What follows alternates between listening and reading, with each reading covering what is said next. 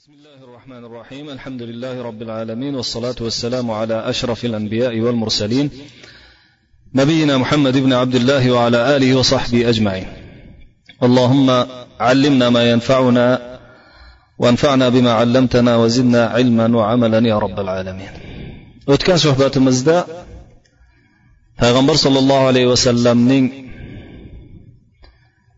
o'sha oxirgi payg'ambar bo'lishlaridan ilgari yigitlik chog'larida hilful fudul degan fudul ittifoqiga qatnashganliklari to'g'risida ibn ishoq rahimaulloh keltirgan hadisga kelganda o'sha hadisni tarjima qilib keyin to'xtab qolgan edik payg'ambar sollallohu alayhi vasallam o'sha hadisda aytadilarki لقد شهدت في دار عبد الله بن جدعان حلفا ما أحب أن لي به حمر النعم ولو أدعى به في الإسلام لأجبت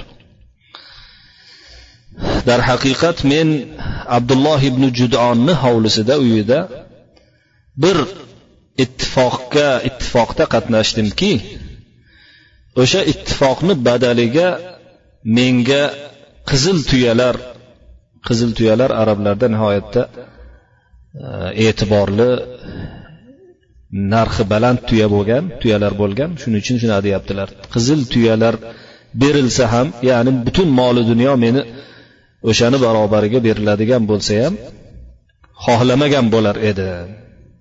Agar bu ittifoqga islomda islom kelgandan keyin ham chaqirilganimda ijobat qilgan bo'lar edim deydilar.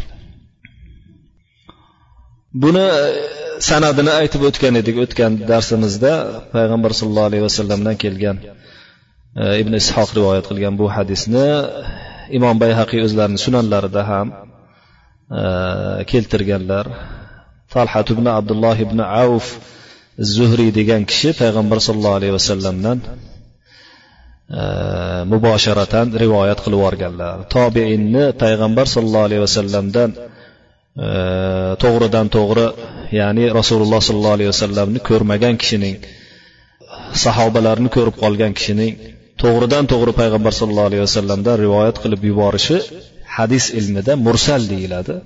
Mursal degani zaif hadislarni bir turi.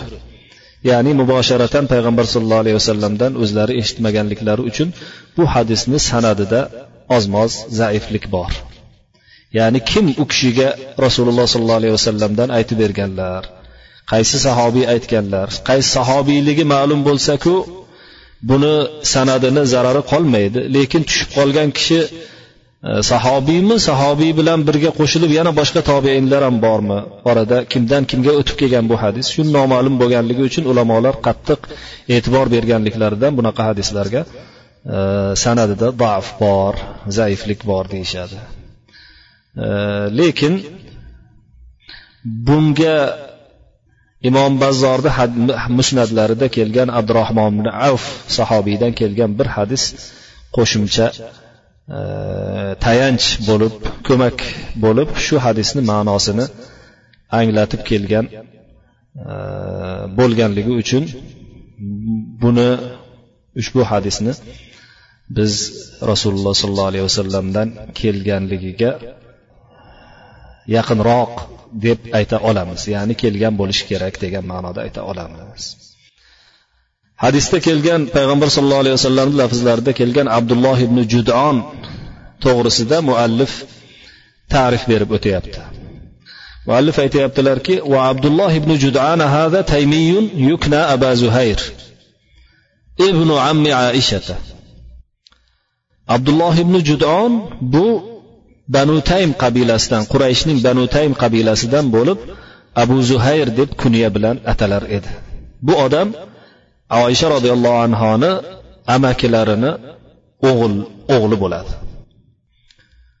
ya'ni oysha onamizni amakilarini o'g'li degani hazrati abu bakr siddiq roziyallohu anhuni akasini yoki ukasini o'g'li bo'ladi ولذلك قالت لرسول الله صلى الله عليه وسلم يا رسول الله ابن جدعان كان يطعم الطعام ويقري الضيف فهل ينفعه ذلك يوم القيامة فقال لا إنه لم يقل يوما رب اغفر لي خطيئتي يوم الدين أخرجه مسلم imom muslim o'zlarini sahihlarida va imom ahmad musnatlarida kelgan hadisda muallif aytadiki oysha onamiz shuning uchun ham payg'ambar sollallohu alayhi vasallamdan so'radilar Abdulloh ibn judon taomlar berar edi kambag'allarga. Mehmonlarni juda e, saxovat bilan ziyofat qilar edi. Ziyofat berar edi. Shu narsalar unga qiyomatda foyda berib qoladimi? dedilar. Shunda rasululloh sollallohu alayhi vasallam aytdilarki yo'q. U hech qachon biron kun qiyomat kunida ya'ni odamlar hisob kitob qilinadigan yavmuddin deb odamlar jazo qilinadigan hisob kitob qilinadigan kun degan. Odamlar hisobga tutiladigan kunda meni xatoyimni gunohlarimni kechirgin deb biron kun aytmagan u odam dedilar.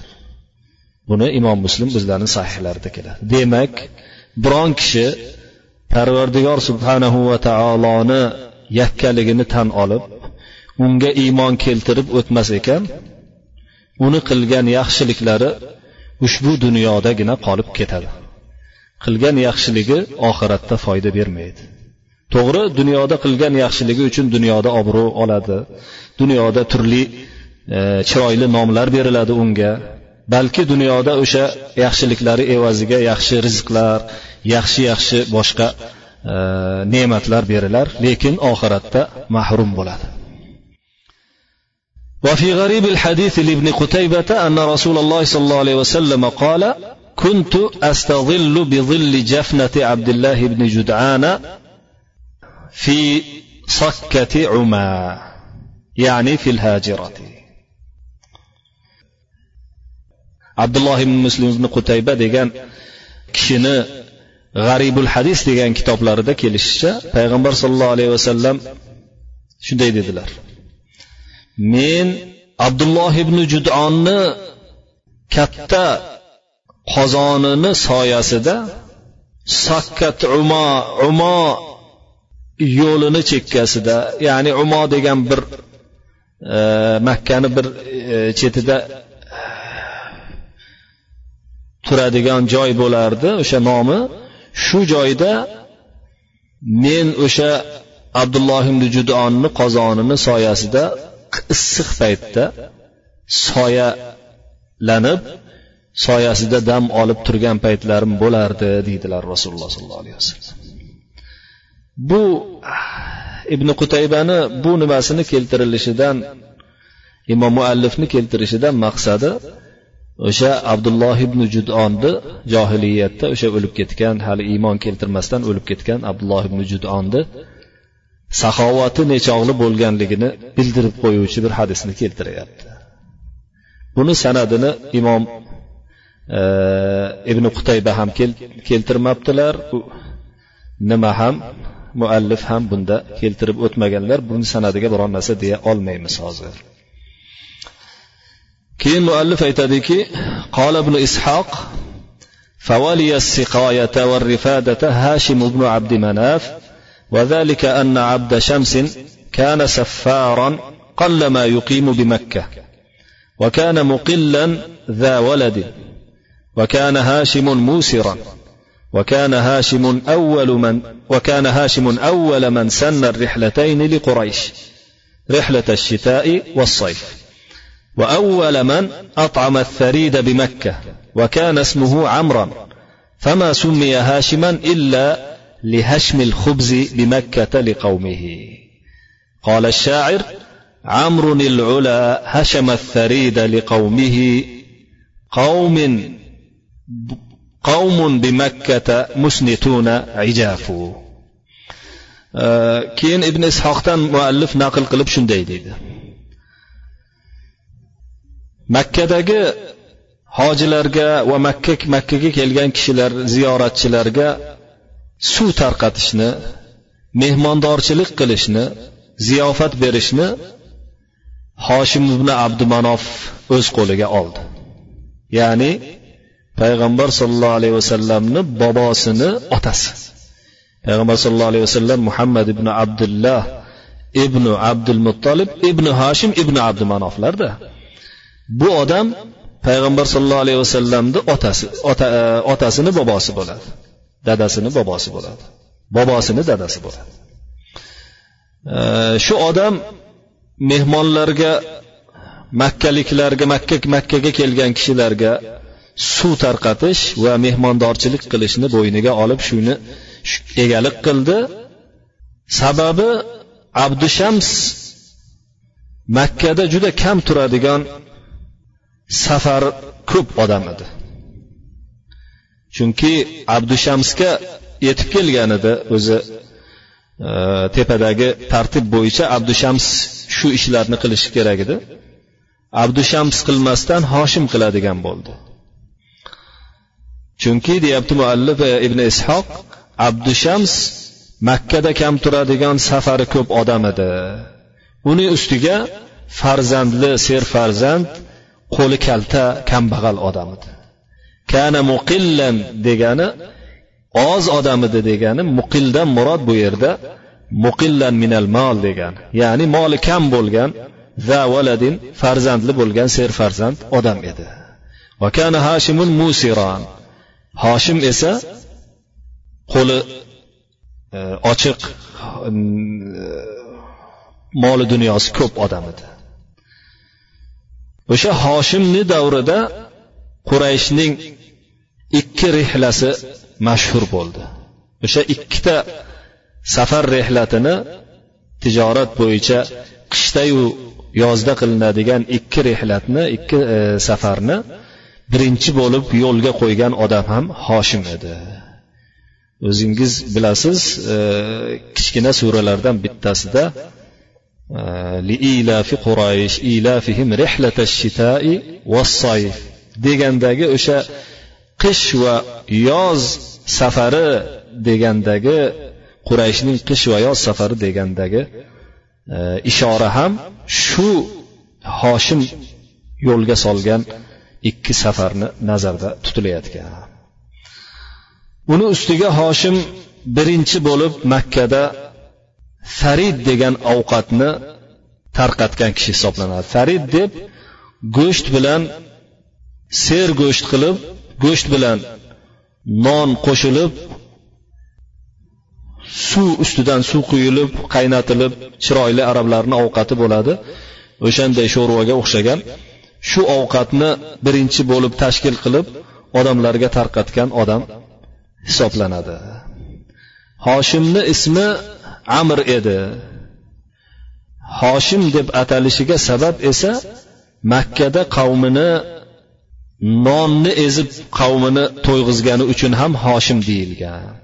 Lihashmil xubzi bi makkada makkada nonni maydalab qavmiga yedirganligi uchun hoshim deb atalgan ya'ni nonni maydalovchi deb atalgan. Shoir aytadiki amrunil ula ya'ni ulug'lik amri ya'ni ulug' odam bo'lgan amr qavmi uchun farid ovqatini e, maydalab berdi. Ya'ni faridga o'sha sho'rvaga go'shtli sho'rvaga nonni maydalab turib odamlarga tarqatdi. Holbuki makkada qavmlar o'sha makka ahli qavm juda qahatchilikda qolgan ocharchilikda qolgan edilar. Deydi shoir ibn ishoq yana shunday deydi muallif uning gapini yana naql qiladilar قال ابن إسحاق ثم هلك هاشم بغزة من أرض الشام تاجرا فولي السقاية والرفادة من بعده المطلب بن عبد مناف. وكان أصغر من عبد شمس وهاشم وكان ذا شرف في القوم وفضل. وكانت قريش تسميه الفياض لسماحته keyin ibn ishoq aytadiki hoshim tijorat qilib shom yerining g'azza degan joyiga yetganida o'sha yerda halok bo'lib etib o'lib ketdi hoshim o'lib ketganidan keyin tepadagi suv tarqatish shu mehmondorchilikni undan so'ng muttalib ibn abdumanof ukasi hoshimni ukasi muttalib ibn abdumanof o'z qo'liga oldi. Abdishams bilan hoshimdan kichik edi. Esingizda bo'lsa abdishams hoshimlarni orasidagi yillarni farqini ham ilgarigi nimada aytib o'tib ketilgan edi chamamda abdumanof muttalib ibn abdumanof o'zini qavmida sharafga ega bo'lgan fazilatli e, kishi edi. Quraysh u odamni juda keng fe'lligi e, halimligi uchun fayyoz deb atar edilar. Fayyoz degani bir narsaga e, bir narsani judayam ortig'idan keragidan ortiq darajada to'lib toshib berib yuboradigan odamni fayyoz deydi arablar. O'zi foda yafidu degan arab tilidagi fe'l ham e, suv toshib ketganda aytiladigan fe'l hisoblanadi. Masalan suv toshib ketganda arablar faodol mau deydilar deydilar. Ya'ni suv toshib ketdi degan fayyoz so'zi ham toshqin shu beradigan narsalarini ortig'i bilan berib yuboradigan juda qo'li ochiq odam bo'lganligidan toshqin deb atagan ekanlar ثم هلك المطلب ثم ولي عبد المطلب السقاية والرفادة بعد عمه keyin muttalib ham o'lib ketdi muttalib o'lib ketganidan keyin suv tarqatishu mehmondorchilikka amakisini o'rniga abdul muttolib payg'ambar sallallohu alayhi vasallamni bobosi o'tirdi فأقامهما للناس وأقام لقومه ما أقام آباؤه وشرف في قومه شرفا لم يبلغه أحد من آبائه o'sha kishilarga suv tarqatishu mehmondorchilikni boshqa ovqatlarni berishni odamlarga joriy qilib qavmini ichida ota bobolari qilgan narsalarni ortig'i bilan joriy qilib qavmi orasida shu darajada sharafga ega bo'ldiki ilgarigi ota bobolari bunchalik sharafga ega bo'lmagan edi keyin abdul muttalib tushida bir bir narsani ko'rdi shuni muallif hozir zikr qiladi ثم إن عبد المطلب أتي في المنام وأمر بحفر زمزم. وذلك لأن الجرهمية عمرو بن الحارث لما أحدث قومه بحرم الله وقيض الله لهم من أخرجه من مكة فعمد عمرو إلى نفائس أمواله فجعلها في زمزم وبالغ في طمها وفر إلى اليمن. كين عبد المطلب tush ko'rdi. Ya'ni tushida unga bir odam kelib zamzamni qaytadan qazishni buyurdi. Nima uchun zamzamni qaytadan qazishni buyuradi? Chunki ilgari aytib o'tgan suhbatlarimizni birida jurhumlik amr ibn horifni qo'lidan kinona qaytarib oldi deb aytib o'tdik. Kinona qavmi. O'sha kinona qavmini vakili qaytarib oldi dedik. Kinona qavmini vakili qurayshni vakili kim bo'ladi? Qusay ibn kilob bo'ladi. O'sha qaytarib oldi deb tepada aytib o'tdik. Makkani butun kabani ishlarini qaytarib olganligini. O'shanda qaytarib olishdan oldin bu jurhumlik amr ibn horis bu yerda muallif aytyaptiki uni qavmi ollohni haramida ollohni uyida buzuqliklarni buzg'unchiliklarni qilib shunday bezorilik qilganlaridan keyin ularga makkadan ularni chiqarib yuboruvchi kishilarni olloh to'g'irlab qo'ydi ya'ni qusay ibn kilob va uni odamlarini. Shunda amr ibn haris o'zining nodir nodir juda qimmatbaho mollarini to'plab oldida zamzam chuqurlikda joylashgan edi.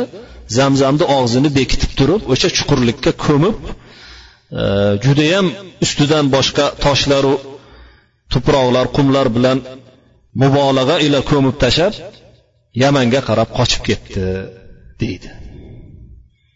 O'shaning uchun abdul muttalib bu narsani tushda oradan yuzlab yillar avlodlar o'tib ketgandan keyin zamzam faqat tillardagina bobolarimizni vaqtida shunday zamzam suvi bo'lgan ekan degan tillardagina qolib ketgan edi bular esa o'shani joyini ham unutgan edilar suvini ham bo'lsa bo'lmasa e, foydalanishdan umidlarini uzgan edilar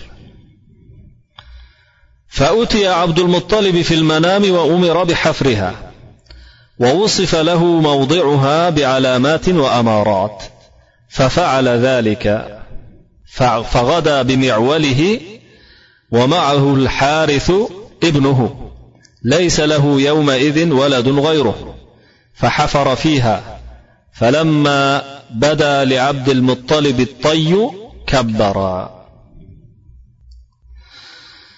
عبد المطلب tushida bir odam kelib bu zamzamni qazishga buyurilgandan keyin o'sha odam buyurganidan keyin va unga zamzam o'rni ham ko'rsatilgan ba'zi bir alomatlar belgilar bilan ko'rsatilgandan keyin uni oldiga keldida o'zini kerkisi bilan shu qazadigan asbobi bilan birinchi o'g'lini horis degan o'g'li deb aytib o'tgan edik. Horis degan o'g'lini olib keldi.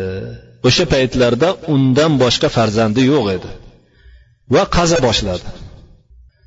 qaza boshlagandan keyin unga ko'milgan narsa ko'rinib qolganda takbir aytib yubordi فعرفت قريش أنه قد أدرك حاجته quraysh shunda abdulmuttalib o'zini oqtarib yurgan narsasini ehtiyojini topganligini yetib olganligini bilib oldilar abdulmuttalibga keyin bilib olganlaridan keyin yalinishga tushdilar Aytdilarki faqolu ya abdulmuttalib إنها بئر أبينا إسماعيل وإن لنا فيها حقا فأشركنا فيها. قال ما أنا بفاعل إن هذا الأمر قد خصصت به دونكم. فخاصموه إلى كاهنة بني سعد. ular ham bu abdulmuttalibni tushda ko'rgan narsasini avval bu yerda muallif aytib o'tmabdi. Tushda ko'rgan narsasini qavmiga aytib mana shunaqa tushda men shunaqa narsa ko'rdimu qazmoqchiman. Shu bobolarimizni zamzamini chiqarish kerak. Shunga men endi azm qildim yordam beringlar menga deganda qavmi o'sha qabiladagi boshqa odamlar e endi bu toshloqni ichida qayerdan ham toparding endi. Kabani atrofi juda keng bo'lsa biz senga yordam berolmaymiz deb ko'nishmagan edi. Bu yerda aytib o'tilmabdi bu narsa. Ko'nmagandan keyin o'zini o'g'li bilan tavakkal qilib qazishni boshlaganda endi buyog'i chiqib qolgandan keyin ular abdulmuttalibga xitob qilishdiki ey abdulmuttalib bu ota bobomizni bobo kalonimizni ismoilni qudug'i hisoblanadi bulog'i hisoblanadi. Bunda ham bizni haqqimiz bor bizni sherik qilgin suvga deganda abdulmuttalib haligi ularni biz senga qazishmaymiz degan gapini eslab turib men qilmayman sherik. Bunga men o'zim maxsus menga tush keldi bu buni qazishimga. Ya'ni sizlardan o'zga o'laroq sizlardan boshqacha o'laroq menga tush kelganligi uchun bu men uchun deb o'ylab turibman dedi endi. Shunda ular uni abdulmuttalibni banu sad qabilasini bir kohinasiga e, folbiniga shikoyat qilib olib bordilar. Ma'lumingizki endi o'sha paytlarda johiliyat vaqtida qozilik qilib hakamlik qilib beradigan kishilar faqat shu donishmandlaru shunaqa folbin kohinlardan iborat kishilar bo'lardi toyib keyin muallif yana bir qavlni keltiradi shu yerda boshqacharoq bir hikoyani keltiradi وقيل إنه لما حفر وجد فيها غزالين من ذهب وأدراعا وأسيافا فقالت له قريش يا عبد المطلب لنا معك لنا معك في هذا شرك وحق شرك وحق shunda aytildi yana bir gapda yana bir boshqa bir rivoyatda kelishicha abdul muttalib zamzamni o'rnini qaza boshlagach qazib bo'lganidan keyin unda haligi amr ibn horis ko'mib ketgan oltindan bo'lgan oltindan yasalgan ikkita kiyikni haykalini topib oldi va yana bir nechta sovutlar temirdan qilingan qilichlar topib oldi shunda quraysh unga aytdiki bu narsalarda bizning ham senga sherikligimiz va haqqimiz bor dedi فقال لا فهلم إلى أمر نصف بيني وبينكم نضرب عليه بالقداح نضرب عليه بالقداح shunda aytdiki yo'q ikkovimizni o'rtamizdagi bir insofli bir ishga men sizlarni boshlay bo'lmasa bunga qidoh deb arablar ilgari safarga chiqaymi yo'qmi degan bir uchtami e, cho'plari bo'lardi ularni. O'sha uchta cho'pni olib turib safarga chiqqisi kelsa bittasiga safarga chiqma ikkinchisiga safarga chiq uchinchisiga yana bir narsa degan yozilgani bo'lardi. O'shani tashlasa shuni qaysisi chiqsa shuni olib o'shanga qarab turib ish qilib ketaverardi. Shuni qilamiz dedi bular. Haligi abdul muttalib. Faqalu kayfa nasnau qanday qilaylik? Kayfa tasnau qanday qilasan? deyishdi. قال أجعل للكعبة قدحين ولي قدحين ولكم قدحين. yoki qidhayni أجعل للكعبة قدحين ولي قدحين ولكم قدحين. فمن خرج قدحاه على شيء كان له ومن تخلف قدحاه فلا شيء له. shunda aytdiki o'sha ikkita cho'pni oltita cho'p qilaylikda ikkita cho'pni kabani haqi deb yozib qo'yaylik ikkitasiga meni haqim deb yozib qo'yaylik. Yana ikkitasiga sizlarni haqlaringni yozib qo'yaylik. Kimni ikkita haqi chiqadigan bo'lsa shuniki bo'lsin zamzam. Kimniki chiqmaydigan bo'lsa unga hech narsa bo'lmasin dedi. Ya'ni qur'a qilaylik degan ma'noda aytdi shunda ular aytishdiki qolu faqolu ansofta ha insof qilding deyishdi. فجعل قدحين أصفرين للكعبة وقدحين أسودين لعبد المطلب وقدحين أبيضين لقريش shunda ma'lum bo'lishi uchun muayyan bo'lishi uchun sariq cho'plarni kabaga qora cho'plarni kabaga sariq cho'plar tanladi abdul muttalibga o'ziga qora cho'plarni tanladi qurayshga esa oq cho'plarni tanladida ثم أعطوا صاحب القداح الذي يضرب عليها عند هبال keyin hubal degan butning tagida ular doim o'sha follarini o'sha qur'alarini o'sha butni o'sha hubal butini tagida qilishardi o'sha hubal butini tagida shu cho'pni otadigan cho'pni uradigan e, cho'pchini qo'liga o'sha cho'plarni berishdi وقام عبد المطلب يدعو وضرب صاحب القداح فخرج الأصفران على الغزالين وخرج الأسودان على الأسياف والأدراع لعبد المطلب وتخلف قدح قريش haligi cho'pchi cho'plarni urgan edi ikkita sariq cho'p ya'ni kabaniki ikkita oltinni ustiga kelib tushdi ikkita oq qora cho'p esa abdul muttalibniki qilichlar bilan sovutlarni ustiga borib tushdi qurayshni ikkita cho'pi esa orqaga qarab turib otilib ketdi tushmadi hech narsaga فضرب عبد المطلب الأسياف بابا للكعبة وضرب في الباب الغزالين من ذهب فكان أول ذهب حليت به الكعبة فيما يزعمون shunda abdulmuttalib qilichlardan kabaga eshik yasadi. Kabaning eshigiga esa haligi ikkita kiyikni kiyikdan bo'lgan oltindan bo'lgan kiyikni kabaning eshigiga ishlatdi. Kabaning eshigini qilich e, oltindan yo'g'rilgan qilib oltin e, yurgizilgan qilib atrofini oltin qildi. Kabaning birinchi bo'lib oltin bilan zeblanishi ziynatlanishi shunda bo'lgan edi. Ularning davo qilishlaricha deydi muallif. Endi vaqt e, oz qolayotganligi uchun suhbatni shu yerda to'xtatamiz. Keyingi suhbatimizda inshaalloh mavzuni yana davom ettiramiz deb sizlar bilan xayrlashamiz. Va sallallohu vasallama va baraka ala nabiyina muhammad va ala alihi va sahbihi ajmain.